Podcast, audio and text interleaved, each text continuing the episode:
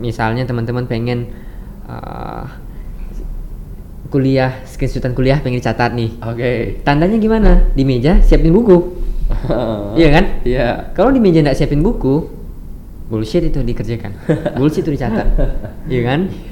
Nah jadi gimana biar di pandemi ini tetap produktif? Ya buat tanda-tandanya. Buat to do listnya tadi. Jangan-jangan anda sebenarnya dulunya suka misalnya fotografi. Mm-mm. karena pandemi jadi malas coba aja foto-foto misalnya belajar foto indoor misalnya ya kan Iya. Foto kreativitas itu di mana saja gitu loh atau misalnya teman-teman informatika nih apa ya informatika ya belajar bahasa baru bahasa Ngoding, ngoding, ngoding, ngoding, Iya, ngoding. ngoding kan Ah. ngoding juga klise ya kan banyak bugs jadi malas ya Ah. ah nggak tahu deh aku informatika tapi itu bikin Oke. tanda cari hobi paling minimal tuh dari hobi lah Oh. tapi yang jelas yang dipikirkan itu kewajiban harus digenapkan dulu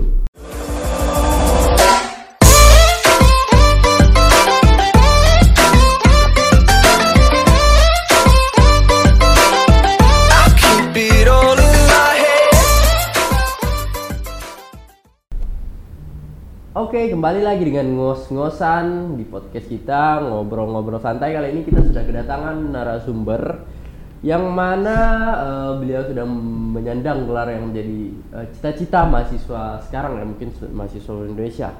Nah, langsung saja kita sambut Rian Jonathan. Yoi bro Oke. Hai bro Udah- Mas kenapa nih? Udah vaksin kan? Udah. Udah vaksin. Udah kali dong. Oke, jadi kita santai aja. Aman. Yuk. Sebelum kita itu mungkin eh, Rian atau saya manggilnya apa nih? Rian atau Jonathan? Joe aja Joe aja. Adrian Jonathan panggilannya Joe Berarti nama akrabnya Joe ya? iya Oke, boleh sih perkenalan dulu sama mungkin kawan-kawan yang memang belum tahu nih Rian Jonathan siapa sih Rian Jonathan? apa yang mau dikenalkan ya paling nama nih nama perkenalkan nama saya Rian Jonathan saya dari Fakultas MIPA program studi matematika Matematika. yap angkatan Eh, nggak perlu lah ya angkatan Angkatan boleh deh. Oh, Mungkin angkatan saya masih muda kok angkatan 2018 ya. Berarti semester 7. iya semester 7 Oke, berarti udah akhir. Insya Allah akhir Sekarang gimana? Lagi nyusun skripsi, proposal atau magang gimana? sekarang baru rencana akan nyusun skripsi Nyusun skripsi. Iya. Tapi udah uh, proses magang dan lainnya udah proses magang udah proses magang itu udah pas tahun lalu udah sangat berbeda dengan saya ya. saya belum magang, belum apa-apa tapi kita tetap santai. Berarti kamu ini kelahiran 1999 berarti seharusnya dalam apa? eh, perkuliahan itu bukannya kamu udah semester 9 atau angkatan 2017 ya? Iya, harusnya angkatan 2017 atau udah semester 9. Tapi kemarin itu pas aku lulus kuliah, Hmm. eh lulus kuliah, lulus SMA, SMA. itu gap year atau enggak kuliah selama satu tahun. Mm-mm. Nah, alasannya karena kemarin itu daftar universitas di luar, bukan di Untan. Oke. Pas daftar di luar, coba, coba, coba, gagal.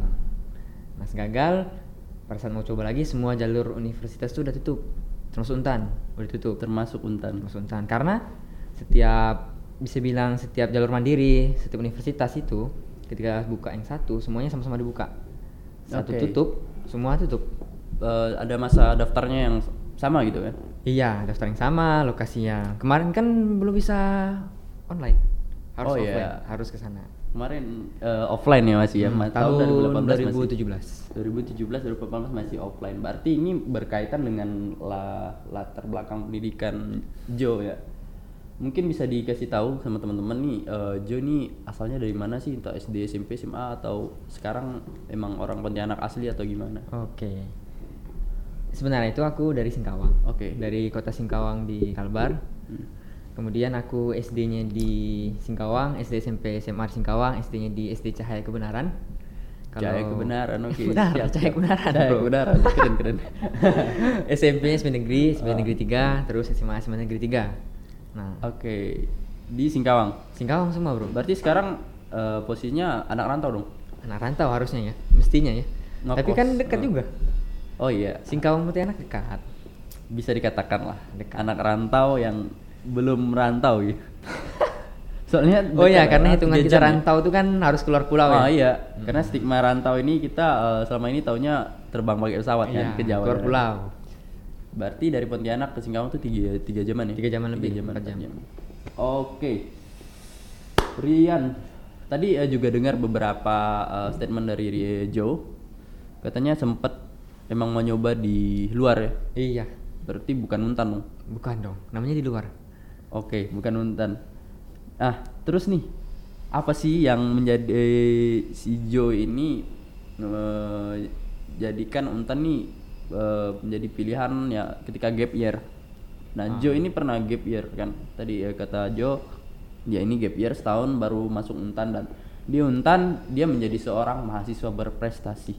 Mungkin apakah ada eh, segelintir eh, intermezzo intermezzo mungkin dari Joe untuk memilih berkuliah di Untan dan memilih prodi mat- matematika ya? Iya. Fakultas MIPA. Yep. Oke. Jadi gini sih. Secara sederhananya ceritanya gini. Pas SMA itu mungkin masih ya usia 17-an 18-an lah. Mm. Masih ambis, ambisnya terlalu tinggi ambisnya. terlalu tinggi. Oke. Nah, kenapa bisa ambis terlalu tinggi? Karena pertama itu saya sering istilahnya bukan sombong nih. Mm-mm. Tapi sering Nggak juara apa-apa, pa- apa-apa. paralel. Sedikit apa? Oke. Tapi sering juara, juara Oh, paralel, juara kelas ataupun juara paralel. Kemudian sering ke lomba. Nah kebetulan em, di SMA itu Mm-mm. kan masih ada sistem undangan tuh SNMPTN, SNMPTN, SNMPTN, jalur undangan lah oke. istilahnya kan. Itu jalur nilai ya, Mas? Ya jalur Oh. nilai ujian dan segala macam di sekolah tuh. Mm-mm. Nah karena saya merasa saya jalur sering juara, pede dong daftar keluar. Daftar jadi pertama saya juara satu, juara dua, juara tiga.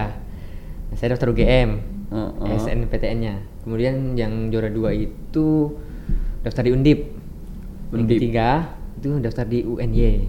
Berarti top top top top Iya. 10 top 10 ya. Pada main caranya. Masih ambis kan? Masih Masih, ambis ambis, ambis, 2017. banget cuy. Oke. Nah, pas pengumuman Mm. dari ketiga orang itu cuma aku yang nggak lolos. Cuma aku yang nggak lolos nih. di Oh, Undip oke. lolos, kalau di UN di, di UNY lolos. Mm-mm. Nah, karena masih ambis, masa sih nggak lolos kan? Coba tesnya SBMPTN, SBMPTN. daftar lagi di UGM. Tapi itu udah keterima di UNI. belum. Oh, itu kan udah- itu nggak lolos ya? Juara satunya aku, juara Oh. duanya kawan saya, juara tiganya kawan saya. Oke. Mereka daftar di Undip sama di UNY, Padahal di UGM. ke- eh, kemarin tuh kamu juara satu, Satu. paralel di Paralel. SMA yang SMA. sama. Iya dong. Berarti ada sebuah faktor X mungkin ya Faktor atau X gimana kita Karena tahu mereka ya. tuh nggak tahu lah ya masih bisa dibilang penilaiannya sama atau enggak, tapi ciri-cirinya Hmm. adalah mereka tuh stabil. Jadi Oke. mereka juara tiga dua tiga dua satu gitu. Hmm. Yang juara duanya dua tiga dua tiga satu. Sedangkan aku tuh kemarin satu satu lima satu satu. Oke. Itu pastinya eh, dan saya percaya lomba atau kompetisi mahasiswa berprestasi itu perlu eh, sebuah usaha step Oke. by step. Mungkin dari sosok eh, Rian Jonathan nih yang mahasiswa saat ini menyandang gelar sebagai mahasiswa berprestasi Universitas Tanjung Pura bisa meng- menggambarkan atau menjelaskan sedikit eh, apa sih itu mahasiswa berprestasi yang sesungguhnya. Terus mungkin apakah step-step yang harus Rian dari A0 dari masuk pertama maba nih masih botak sampai eh, mahasiswa semester 7 sampai sekarang apakah memang harus ada step-step yang dilalui atau pendaftaran dan lain-lain mungkin Rian juga bisa menjelaskan Menurut aku, Nah. kalau jadi mahasiswa berprestasi ini ada beberapa stigma sih yang salah. Yang pertama, keberuntungan itu pasti ada masuk ke faktor menjadi mahasiswa berprestasi. Mungkin keberuntungannya bu- bukan pada saat lomba, tapi bisa bisa jadi keberuntungan saat bertemu dengan teman, bertemu dengan lingkungan yang baik. Pokoknya keberuntungan itu pasti akan bertemu dengan kerja keras dan sebaliknya. Oke, itu yang pertama tuh. Yang kedua, stigma yang sebenarnya bukan salah tapi harus dibenarkan, sedikit keliru, yaitu tentang em, mahasiswa berprestasi. Sebenarnya semua orang yang telah ikut lomba mahasiswa berprestasi, ya bukan bukan mahasiswa berprestasi lomba-lombanya, Pilmapres, pemilihan pemilihan. mahasiswa berprestasi. Pemilihan mahasiswa Nah itu mereka yang semuanya ikut itu adalah mahasiswa berprestasi. Semuanya, cuman kebetulan saya yang pertama. oke Gitu. Nah, saya ulangi ya. Jadi Oke. semuanya yang ikut Pilmapres pemilihan mahasiswa berprestasi itu, Itu- adalah mahasiswa berprestasi. berarti dicari yang berprestasi Nah, dari yang lebih berprestasi iya. ya Jadi ketika teman-teman bilang misalnya nih ada rekan-rekan lain yang ikut Pilmapres terus mereka cuma bilang ke saya bahwasanya saya adalah uh, mawapresnya. Salah. Mereka juga mawapresnya. Cuma saya mau satu, misalnya mereka mau pres 5, Oke. mau pres 6, mau pres 7. tapi gelar mahasiswa berprestasi itu berarti nggak hanya satu ya? Enggak. berarti kawan-kawan juga Karena ya? ma- namanya mahasiswa berprestasi. Mahasiswa berprestasi. Berarti- Anda kalau berprestasi sebutannya mahasiswa berprestasi juga. Oke. sebenarnya ya Ah. cuman pada saat ya secara gelar ya memang bisa dibilang masuk prestasi karena ngikut lombanya ikut lomba Hmm. Firma Press Hmm. begitu Oke, Nah. jadi kita bisa menurut Joy itu kita semua bisa menjadi mahasiswa berprestasi. Bisa, Tergantung kapasitas kita masing-masing, Hmm, hmm, hmm. bidang kita yang kita tekuni dan memang ada nih lomba yang memang benar-benar mencari yang berprestasi di antara berprestasi yaitu Iya. Filma Press. Sebenarnya dulu itu namanya bukan Mama Press bukan mahasiswa prestasi tapi itu namanya mahasiswa teladan. Lombanya Mahasiswa itu teladan. mahasiswa teladan. Tapi terlalu berat nama teladan itu. Karena kan seperti stigma yang Ah, Fikri bilang tadi. Ah. mahasiswa prestasi paling rajin paling disiplin pintar, Boy. paling pintar paling on time dan segala macam lah. Yang Ah. paling paling paling paling. Oke. sedangkan pada faktanya tidak ada manusia yang sesempurna itu apalagi mahasiswa Oke. dengan tingkat dengan tingkat apa ya ambis yang tinggi Mm-mm. dengan tingkat em, bisa dibilang labil yang tinggi masih Mm-mm. ya kan walaupun kategorinya udah dewasa tapi masih labil itu nggak ada yang sempurna makanya diubah jadi mahasiswa berprestasi, Berprestasi. bukan lagi teladan kalau teladan itu berarti orang yang patut ditiru siapa yang Ya, patut ditiru ya. pahlawan Oke, brand ambassador ya. Sekarang brand ambassador. Oke. Iya. Sekarang berarti eh, itu merupakan apa pengertian lah ya. Mungkin dari seorang Lian Jonathan menurut aku nih ya ah, menurut aku seorang Lian Jonathan. Eh, nah, step by step tadi Jo. step by step Ah, step by step tadi. Apakah memang ada daftar ke ke mana, daftar ke sini? Apakah harus mencari seorang eh, panutan dan lain-lain? Itu gimana sih Jo? Menjadi seorang mapres nanti mungkin yang nonton ini ya eh, mahasiswa-mahasiswa baru yang memang masih online eh, silahkan kawan-kawan jika ingin mengimplementasikan apa pun yang Rian Jo katakan mungkin bisa menjadi referensi kalian untuk ke depannya yang memang mengincar eh, mahasiswa berprestasi mungkin lanjut tadi Nah. step by step tadi Kalau step by step nih ya. Yang pertama itu teman-teman harus ngumpulin prestasi. Nah, gimana caranya ngumpulin prestasi? Berarti kan harus dari awal nih. Lomba. Oke, m- mungkin teman-teman pikir, "Oh, aku cuma perlu ikut lomba." Sebenarnya itu tidak cukup. Sekali lomba belum tentu menang. Dua kali lomba belum tentu menang. Tiga kali lomba mungkin baru tahu, "Oh, ternyata aku salah di sini." Mm-mm. ya kan? Nah, ketika kita udah banyak sering lomba, baru bisa nih ngumpulkan prestasi yang bisa diperlawankan atau dipertandingkan di Filmapres. Misalnya juara satu sehimpunan dulu, oke ya itu kan latihan tuh. Ah. Ya, habis itu juara satu se fakultas, soal satu juara satu seuntan, saya lomba karya tulis atau apa. Mm-mm. Nah, itu harus dilatih itu yang pertama step by stepnya, harus dilatih. Karena masuk berprestasi itu sebetulnya berprestasi ya, berprestasi berarti dia tuh melihat prestasi anda selama kuliah itu apa, oke apa aja sertifikat yang teman-teman udah kumpulkan. Nah, salah satu kriterianya perubahan penilaian di tahun ini itu Hmm. dibandingkan tahun sebelumnya itu banyak sekali perbedaan, banyak sekali. Nah, yang perlu teman-teman pertimbangkan ketika misalnya masih maba nih ya, ataupun tidak usah maba, semester 3, semester 4 tuh masih bisa juga. Hmm, mulai dari sekarang. bisa. Yaitu teman-teman itu bisa mengkategorikan lomba-lomba. Jadi teman-teman tidak mesti ikut lomba misalnya lomba di Untan ya Hmm. masih terkategorikan kalau lomba itu mestinya lomba karya tulis, lomba esai. berarti nggak harus Nggak yang harus itu, teknisnya terlalu kuat itu nggak harus ya nggak harus. Padahal yang diinginkan oleh istilahnya Kemendikbud Mm. itu adalah sebuah karya. Jadi teman-teman itu harus berkarya. Ketika teman-teman juara satu lomba, nilainya anggaplah 20. Hmm. Tapi ketika teman-teman punya karya yang diterbitkan, anggap terbitannya nasional, itu bisa dua kali lipat dari nilai juara satu. Padahal bisa jadi juara lomba satu itu lebih susah daripada bikin karya. Iya kan? Oke. Bisa jadi kan? Iya. Ketika misalnya lomba di UI, oh, yang diadakan Jakarta UI. Hmm. Juara satunya pasti mati-matian tuh. Lawannya UI, UNR, UGM, ITB, ITS. Mati-matian juara satu tuh. Tapi kalau karya, yang penting itu impactnya, karya. Misalnya teman-teman ingin membuat cerpen atau puisi, bikin terbit di buku nasional yang beri SBN, dah nilainya dua kali lipat dari teman-teman ikut lomba di UI. Oke. Nah, jadi itu memang perlu strategi. Mm-mm. Nah, dan lomba-lombanya itu tidak mesti lomba-lomba yang stigma Untan pikirkan. Karena Untan masih berpikiran em, lombanya harus karya tulis, esai. Secara umum ya, mahasiswanya nih. Heeh. Wih, berprestasi. Berarti sering ke lomba misalnya Yang tulis, gitu lah ya, debat, Padahal enggak, ya. enggak masalah Berarti setiap lomba itu bid- semua bidang tuh bisa. harus ada karya Dengan eh, catatan itu yang digarisbawahi tadi karya tadi. karya karya teman-teman yang suka kewirausahaan Mm-mm. ikut bisnis plan ada barangnya diakui misalnya segala macam masukkan itu nilainya bahkan sampai 50 dibandingkan yang juara satu yang Gokil, gokil. nasional cuma 20 Berarti apalagi kalau kita udah sampai paten itu udah sukses itu berarti Hmm, masih hmm, hmm, hmm. lebih tinggi lagi. Hmm. Oke, berarti itu harus eh, dikarya ah, nah maka step by stepnya yang pertama teman-teman harus melatih melatih diri melatih diri. melatih diri karena ujung-ujungnya ya. ya ujungnya kerja keras itu akan bertemu keberuntungan teman-teman tuh beruntung beruntung nanti ketemu siapa misalnya ketemu mentor A mentor B mentor C ketemu ini ketemu ini ketemu ini atau misalnya dapat kesempatan ke sini ke sini sini itu kan salah satu keberuntungan dari kerja Hasil keras tadi kebiasaan tadi yang kita biasakan. secara sederhananya Secara seperti sederhana itu. seperti itu. Mm-mm. Tapi secara teknisnya ya teman-teman harus tetap bisa menulis. Seorang mahasiswa dituntut Ya, harus bisa menulis. Tetap. Itu harus bisa menulis. Bahkan bukan hanya menulis sih. Menurut eh, saya sendiri tiga skill dasar kayak menulis, mendengar dan membaca. Oh iya. Kalau kita kuasai dengan benar-benar itu kita bakal jadi eh, superhuman mungkin superhuman gitu. Yang mampu eh, ibaratnya eh, hal dasar aja udah kita kuasai loh. Iya. Itu merupakan hal dasar yang saat ini mulai kawan-kawan tinggalkan ya. Nah kalau ngomongkan itu tuh sebenarnya, Ah ya ngomong skill ya. nah, Apakah memang harus ada skill-skill tertentu, hard skill, soft skill yang harus dimiliki untuk menuju ke mahasiswa berprestasi?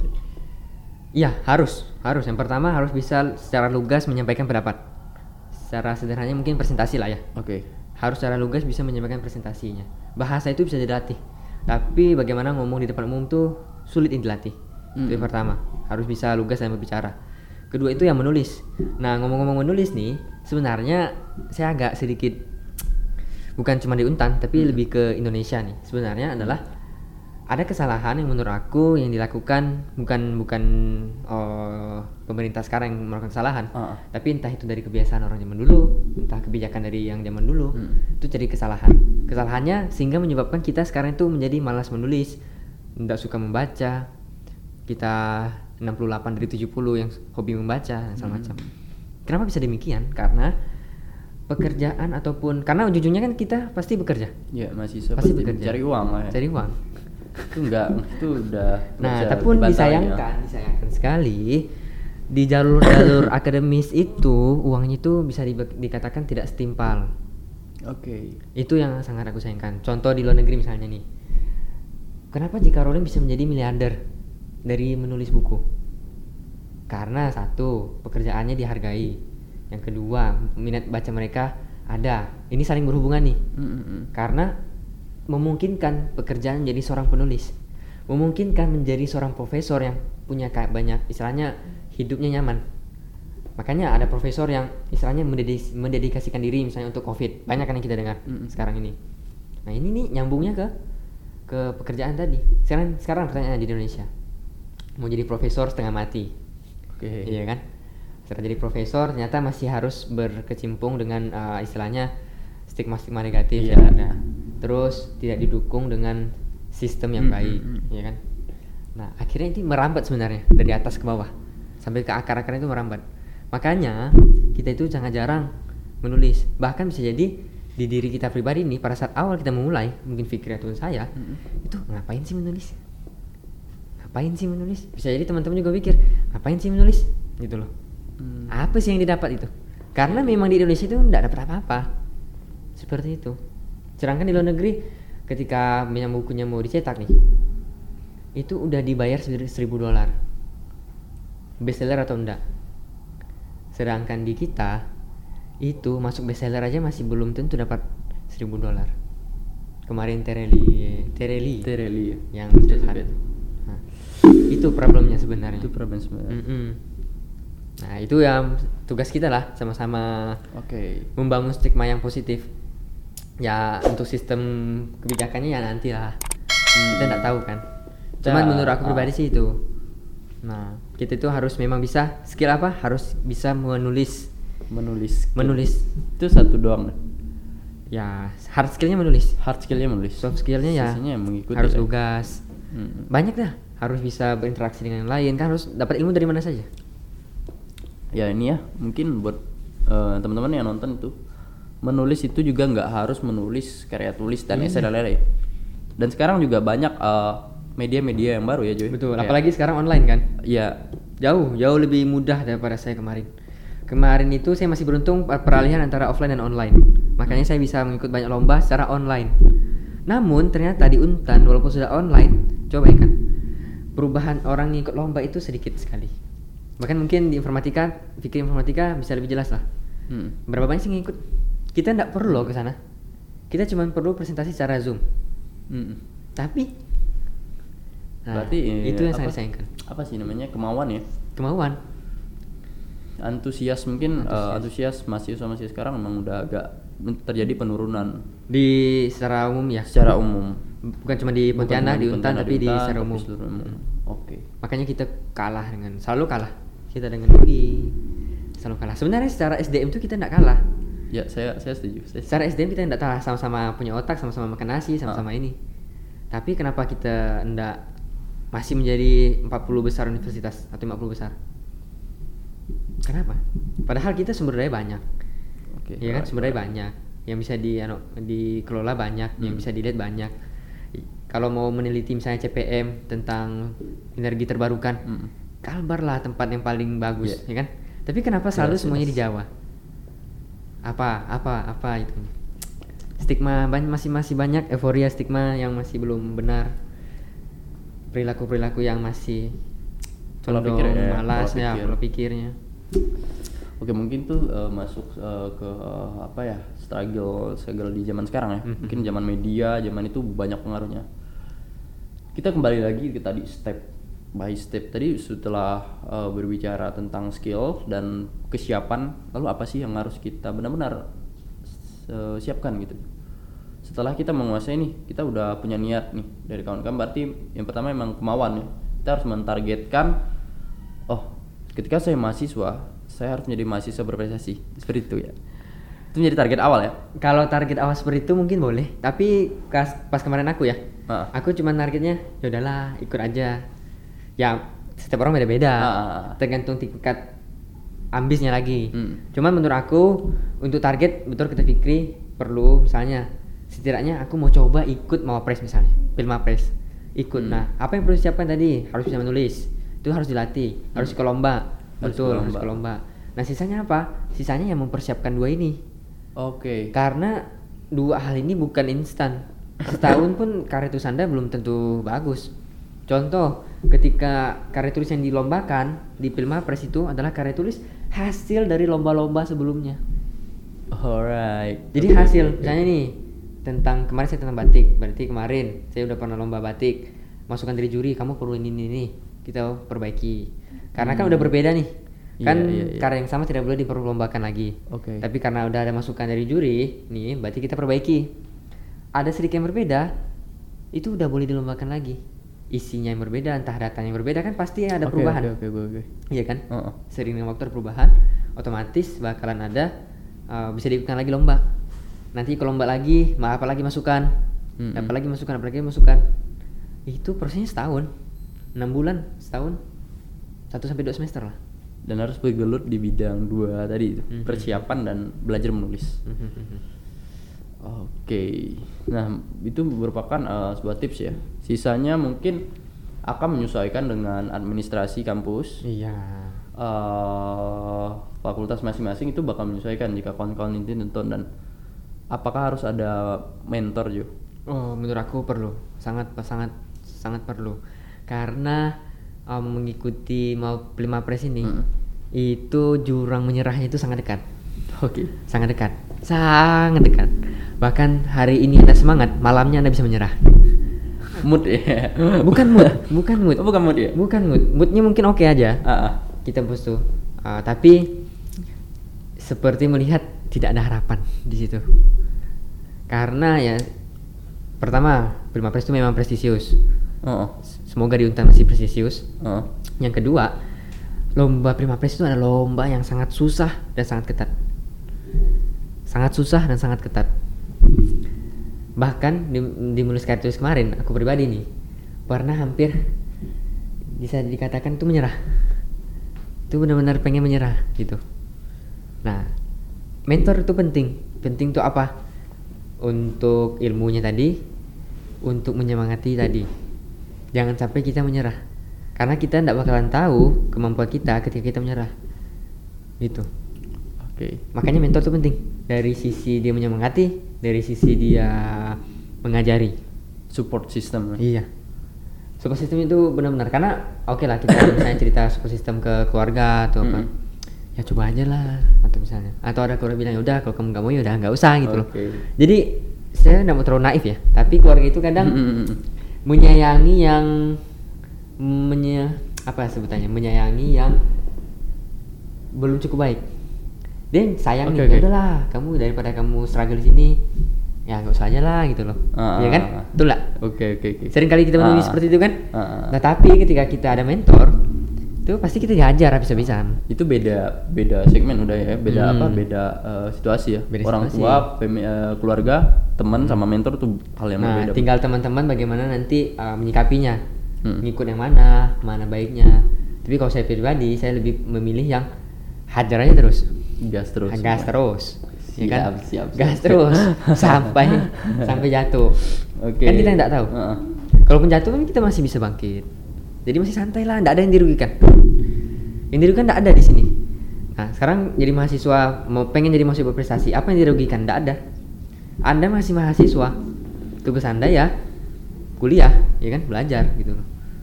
Terlepas dari anda memang harus bekerja membiayai diri sendiri atau itu di luar dari Di luar dari itu ya. lebih dari itu. Tapi ketika ditanya apa yang anda rugi ketika anda mengikuti ini ini ini? Nggak ada. Nggak ada keruginya. nggak ada ruginya. Ya kan? Apa ruginya? Apa yang rugi? Ya nggak ada. Apakah Jo punya organisasi tertentu yang memang mendukung eh, Jo menjadi mawapres yang sekarang? Atau gimana nih? Eh, Tips-tipsnya mungkin nanti ikut organisasi apa aja, ikut organisasi yang bagaimana untuk mendukung kita sepenuhnya ke depannya nanti. Ngomong-ngomongin tentang organisasi.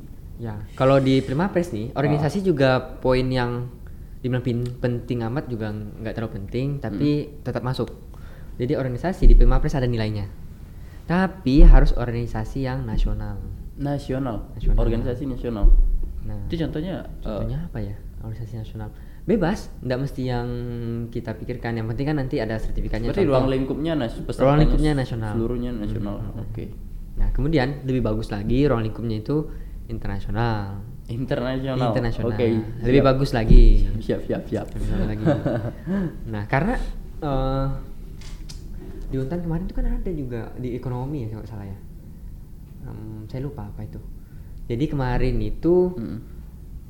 Untan cuman lolos ke 15 finalis di Primapres Nasional itu tahun 2013 terakhir. 2013 terakhir. 2013. Dan beliau sekarang itu sudah menjadi dosen di Fakultas Teknik Udah menjadi dosen. Dosen. Udah jadi dosen. di Teknik Kimia kalau salah. Dia itu sebagai Teknik Kimia atau apa itu? Kak Sep, Bu Septami. Sorry, bukan Kak. Bu Septami. Buset. Dia dari MIPA kemudian sekarang jadi dosen Fakultas Teknik. Cuma saya lupa teknik apa? Teknik Kimia atau apa itu?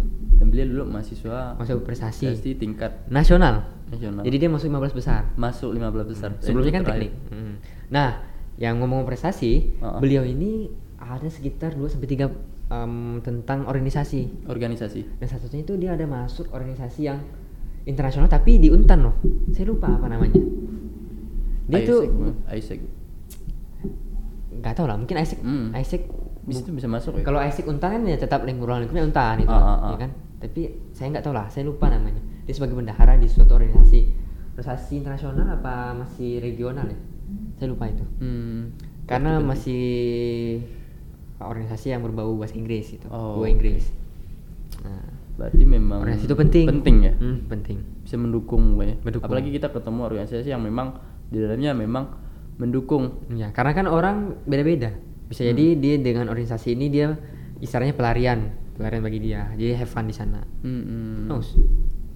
Ya salah, berarti kawan-kawan di sini eh, ikut organisasi eh, ya setidaknya kita mengenal di situ kita melatih juga ya. Mhm. karena di organisasi kan banyak skill. juga bisa belajar nulis ya kan Mm-mm. presentasi gimana Sama soft skill ya, Iya. cara menyampaikan pendapat Mm-mm. walaupun itu di ruang-ruang kecil seperti rapat dan lain-lain, tapi kan Iya. latihannya dari, dari dasar dulu. kalau pas di ruang kecil aja malas mau mengemukakan pendapat Mm-mm, betul tuh. orang ini tidak bisa diharapkan. Oke Jo, kita lanjut. Eh, ini kan Jo kan eh, sekarang udah mahasiswa semester 7 Yap. Berarti ada dong kesibukan-kesibukan yang memang saat ini Jo jalani mungkin gimana sih? Ini udah eh, berarti eh, kuliah fokus harus ya untuk menyelesaikan kuliah. Apakah mungkin eh, sekarang Jo sudah mempunyai pekerjaan sampingan dan lain-lain? Itu gimana sih membagi waktunya? Di sisi lain kita ada emang emang emang klise tapi eh, gini loh, kamu itu sebagai mahasiswa berprestasi. Kita perlu pandangan kita aja mahasiswa biasa itu sibuknya minta ampun. Sibuknya minta ampun mahasiswa biasa apalagi kamu yang mahasiswa juga eh mahasiswa berprestasi. Kamu juga organisasi. Kamu di situ juga eh, mungkin punya kesibukan lain dan itu gimana? Jadi kalau di luar dari kuliah Nah. itu sekarang aku masih freelance. Oke. Freelance di suatu instansi. Heeh. Kemudian aku juga ada istilahnya mm, berdagang lah istilahnya. Oke. Dagang ya jadi kuliah, terus freelance, terus berdagang. Nah, membagi waktu itu sebenarnya klise kalau tanyakan ke saya. Hmm. Karena saya sendiri juga sangat sangat sangat sangat sangat susah membagi waktu. Oke. Para men- para kemarin saya mengerjakan mau persaji itu ya seorang sebagai seorang manusia biasa Heeh. banyak sekali yang saya tinggalkan istilahnya saya tunda-tunda. Kena marah mentor itu sudah biasa istilahnya. Begitu. Nah, tapi tips yang bisa saya kasih nih Heeh. itu adalah yang pertama jangan ditunda. Nah, ini tipsnya juga sangat klise nih, jangan ditunda. Sangat klise karena saat kita lihat bisa jadi kita nunda, iya kan? Hmm. Nah, yang kedua, setelah jadi jangan tunda itu caranya biar nggak nunda-nunda nih. Ada dua cara sebenarnya menurut aku nih. Yang pertama, pikirkan kalau Anda tunda itu akan seperti apa. Oke. Iya kan? Berarti memang eh, harus harus jangan ditunda ini harus harus ada usaha nih biar nggak Ah, ah, nunda. Yang pertama gimana? Pikirkan dulu kalau misalnya em, kita nunda akan gini gini gini. Oke. Atau misalnya kita pikirkan kalau kita kerjakan kita akan selesai kita bisa bisa misalnya main game lebih cepat. Heeh. Terserah teman-teman pilih yang mana mikirnya. Yang kedua harus kasih tanda. Itu tanda itu penting. Tanda itu sangat berefek di saya. Berarti memang kembali kepada orangnya masing-masing. Ya. Cocoknya gimana? ah, berarti eh, seni memanajemen waktu itu memang diperlukan ya. Iya, seninya ada. Tapi secara sederhananya yaitu kita cuma perlu fokus 20%. Dari satu hari yang kita inginkan, dari satu tujuan yang kita ingin capai, kita cukup fokus di 20%. Kita akan dapat hasil 80%. Tapi kalau fokusnya 80%, hasilnya yang didapat cuma Hmm. 20%. Nah, ini tips di to-do list-nya. Jadi to-do list-nya banyak nih, 10 Heeh. ya dua tiga terpenting dulu lah Itu penting itu harus cek fokuskan tuh nah kalau udah selesai istilahnya lapannya itu bukan sesuatu yang urgent Mm. perlu dilakukan gitu Jadi eh, tipsnya tadi bikin to do list. tapi fokusnya Dan- dan jangan fokus. banyak ya Nah, itu mungkin merupakan beberapa tips ya dan kawan-kawan eh, bisa jadi referensi dan mungkin kawan-kawan punya harus dicoba harus dicoba. Hmm, harus dicoba nggak. bikin to do list bikin logbook mungkin kawan-kawan. Bisa bikin list di HP kan? Sekarang udah banyak juga. Ya bisa di HP tapi kalau aku pribadi masih nulis. Masih nulis di kertas kalau di. HP itu itu feelnya di, beda ya? Fake fake gitu. Palsu ini HP kayak eh, teman-teman di sini pasti menyimpan screenshot dari eh, Kuliah. eh, kuliah tapi nggak pernah dibaca. Hmm, itu bullshit itu. Screenshotan bullshit itu. Oke oke. Jadi itu merupakan tips memanage waktu kita eh, mungkin tidak punya ya eh, pedang andalan untuk mengatasi yang namanya kedisiplinan. Tapi Ya. kita bisa mengkreasikannya yaitu dengan menyesuaikan kapasitas kita dan lain-lain. Nah eh Rianjo nih udah beberapa kali nih kan? Eh, lomba ini juga banyak banget yang nggak bisa saya sebutin satu-satu internasional nasional. Eh dari Rian sendiri atau Jo eh, lomba apa sih yang paling berkesan sampai saat ini? Kalau yang paling berkesan itu yang pertama. Menurut saya itu yang pertama paling berkesan. Yang pertama? Yang pertama. Apa apa pun tuh? di hidup saya yang pertama itu lebih diingat saya daripada setelah yang bagus-bagus. Pacar termasuk nggak? Aduh. Ngapa pertanyaan seperti ini?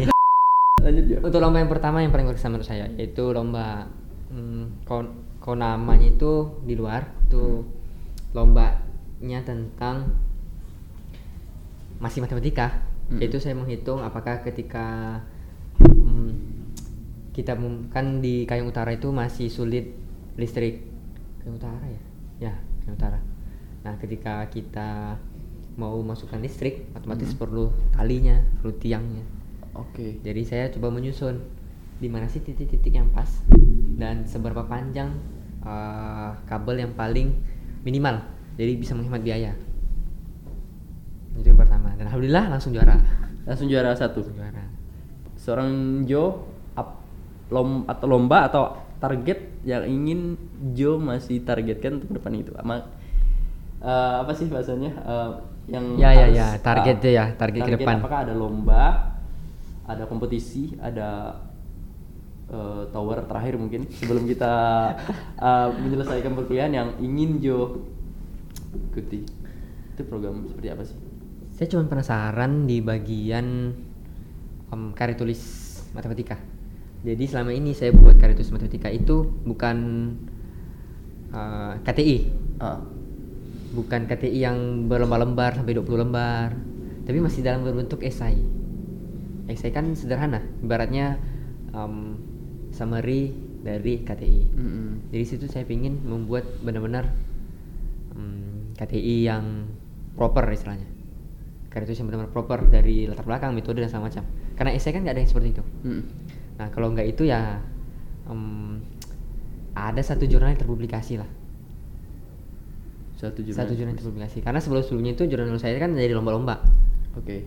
udah harusnya bisa terpublikasi tapi em, belum sampai sekarang karena pandemi nah saya pengen tuh setidaknya ada jurnal yang dari karya tulis saya yang benar-benar pure dari karya tulis nih yang saya Hmm. pengen bikin itu bisa terjurnal kan atau setidaknya masuk proceeding apa gitu Oke, keren sih.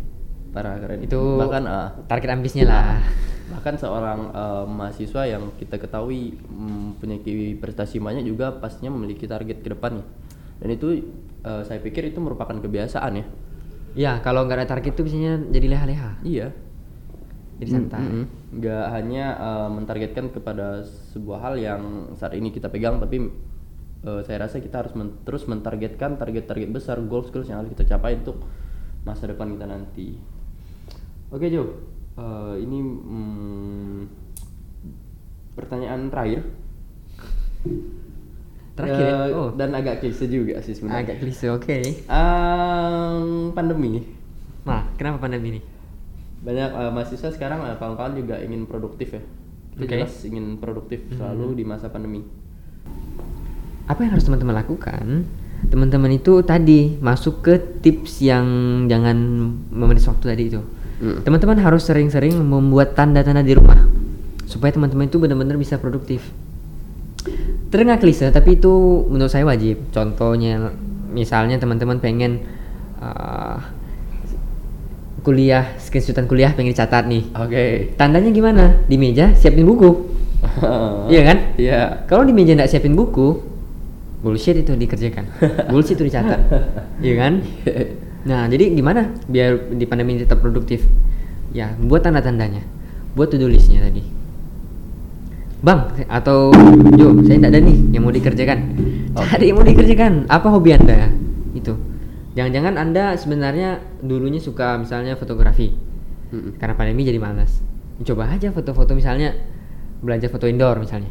Ya kan? iya kreativitas itu di mana saja gitu loh atau misalnya teman-teman informatika nih apa ya informatika ya belajar bahasa baru bahasa Ngoding, ngoding, baru. ngoding, Ya, ngoding. ngoding kan Ah. Ngoding juga klise ya kan banyak bugs jadi malas ya? Ah. ah nggak tahu deh aku. Informatika tapi itu bikin Oke. tanda cari hobi paling minimal tuh dari hobi lah. Oh. tapi yang jelas yang dipikirkan itu kewajiban harus digenapkan dulu. Kewajiban kita nih apa gitu. Karena di kuliah ini rasa tanggung jawab itu penting. Supaya nanti setelah kita selesai kuliah tuh kita udah ter- terlatih dengan rasa tanggung jawab. Jadi kalau dibilang secara pandemi ini nggak produktif berarti bisa dipertanyakan tuh apa yang teman-teman lakukan? Kalau pas libur nggak produktif mungkin oke ya kan? Tapi kalau udah kuliah ada mata kuliah misalnya mestinya itu produktif. Entah itu nyicil misalnya aku nyicil satu paragraf skripsi misalnya. Jadi dong satu paragraf doang. Janganlah satu halaman misalnya ya kan? Satu paragraf. Oke. terlalu besar itu nggak baik ya kan? Jadi pasti aku rasa ada lah hal yang dikerjakan Berarti harus tetap kita stay uh, produktif. Produktif itu juga nggak bisa kita generalisir ya Iya, setiap orang. bisa, kan. bisa. Itu menyesuaikan um, masing-masing pribadi. Tapi Jo, uh, ini mohon maaf ya tadi memang pertanyaan terakhir, tapi ini memang uh, pure pertanyaan dari saya. Apakah seorang Rian Jo ini ke depannya uh, gini aja deh? Uh, untuk memotivasi kawan-kawan yang nanti nonton nih, uh, keuntungan kerugiannya nggak ada ya tadi. Keuntungan menjadi seorang mawapers yang sekarang Jo rasakan. And then uh, proyeksi Jo sebagai mawapres nih udah menyandang gelar mawapres dan bakal diingat eh, sebagai legends ya di Untan. eh iya loh.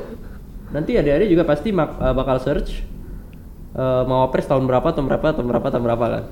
oke oke Nah, dan uh, apakah ada uh, tujuan Jo ke depannya apakah mau ikut S2, uh, S3 atau gimana atau mau dirikan sebuah bootcamp atau gimana? Atau memang uh, apa sih ya target besar sih yang memang Jo rencanakan ini sebagai karena masih berkaitan dengan mau pres tadi. Mungkin bisa Jo jelaskan sedikit. Yang Tentang pertama mau- itu keuntungan. pertama keuntungan nih keuntungan mawapres nih ya di akhir nih kita baru ngomongin keuntungan mawapres Mm. tapi tidak apa keuntungan mawapres pertama itu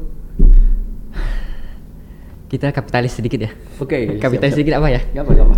Nah, kalau jadi keuntungan jadi mawapres itu, teman-teman itu akan istilahnya meraup untung. meraup untung. Meraup untung. Salary, uang ya. Ya, uang berupa Oke. uang. Nah, pertama gini, misalnya teman-teman juara satu lomba di universitas yang biasa aja. Contoh, hmm, nggak ada deh semua universitas bagus. Nggak. Tapi belum prestisius deh, bu- bukan top 10. Oh. Misalnya di Sumatera, di Sulawesi, Mm-mm. ya kan? Atau di Kalbar. Pas kita ikut, kita menang juara satu nih. Mungkin kita cuma dapat 500 ribu, 800 ribu dari lomba tersebut. Tapi karena nasional, ya Iya. kan? Universitas ini ngadakan nasional, kita bisa ngajukan ke universitas. Lomba tadi Oke. itu. Nah, kenapa bisa kita ngajukan ke universitas? Kita diuntungkan dengan rektor kita yang sekarang. Oke. Rektor kita itu mantap. Mantap, rektor. Terima Pak kasih Garuda Wiko, Rektor. terima kasih banyak. Anda sangat keren. Berarti dapat eh, intensif ya dari Iya, karena Pak Garuda Wiko udah menjanjikan bahwasanya Untan itu harus berprestasi, ya kan? Mm. Gimana caranya Pak Garuda Wiko em, memberikan stimulus, ya kan? Istilahnya stimulus Iya. lah, supaya teman-teman di Untan itu mau berprestasi. Mm. Dengan apa? Keluarlah SK eh, surat keputusan SK tentang kalau juara satu dapat sekian, Oh. juara dua dapat sekian, juara tiga dapat sekian. Gitu. Pasti dapat untung. dari list isinya berarti Jo udah kenyang dong. Eh, dapat intensif dari dan itu menjadikan motivasi ya. ya, itu keuntungannya nih. Ah, Yang pertama pasti teman-teman akan istilahnya tidak tidak ditelantarkan lah. Pasti teman-teman akan dapat uang tersebut. Pasti Imbalan dana dana pembinaan entah itu untuk nanti bayar UKT Mhm. atau beli barang yang teman-teman inginkan, makan di tanah rantau ini lebih nyaman, Iya. tidak cuma Indomie dan telur misalnya. Anak rantau, Bro. Batin sih. Iya kan sahur nanti pas puasa nggak cuman ya Oke, gitulah. oke, nah, oke. yang kedua keuntungan itu ya kita lebih tahu euforia di luar. Kita tahu bagaimana di luar dari Untan secara online. Ya kan? Kalau menurut aku sih itu ya keuntungannya. Itu aja. Nah, tapi untuk ke depannya dari mau pres ini, aku pribadi kalau untuk S2 itu aku belum, ya, aku S2 itu belum, karena aku pribadi tidak ingin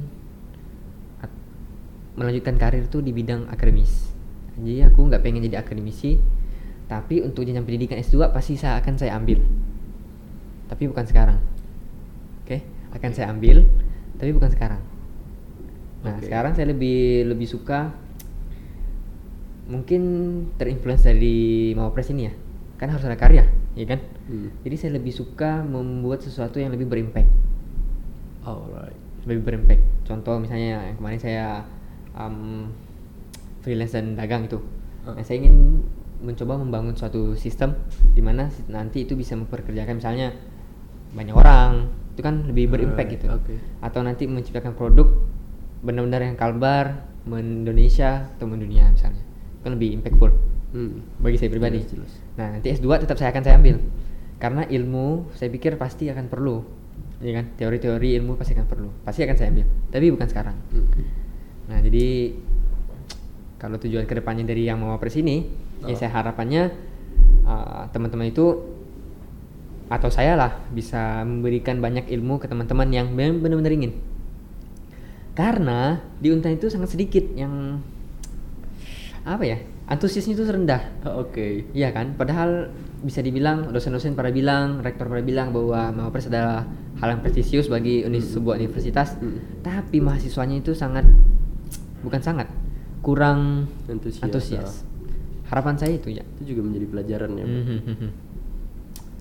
Pesan saya nih ya, Hmm.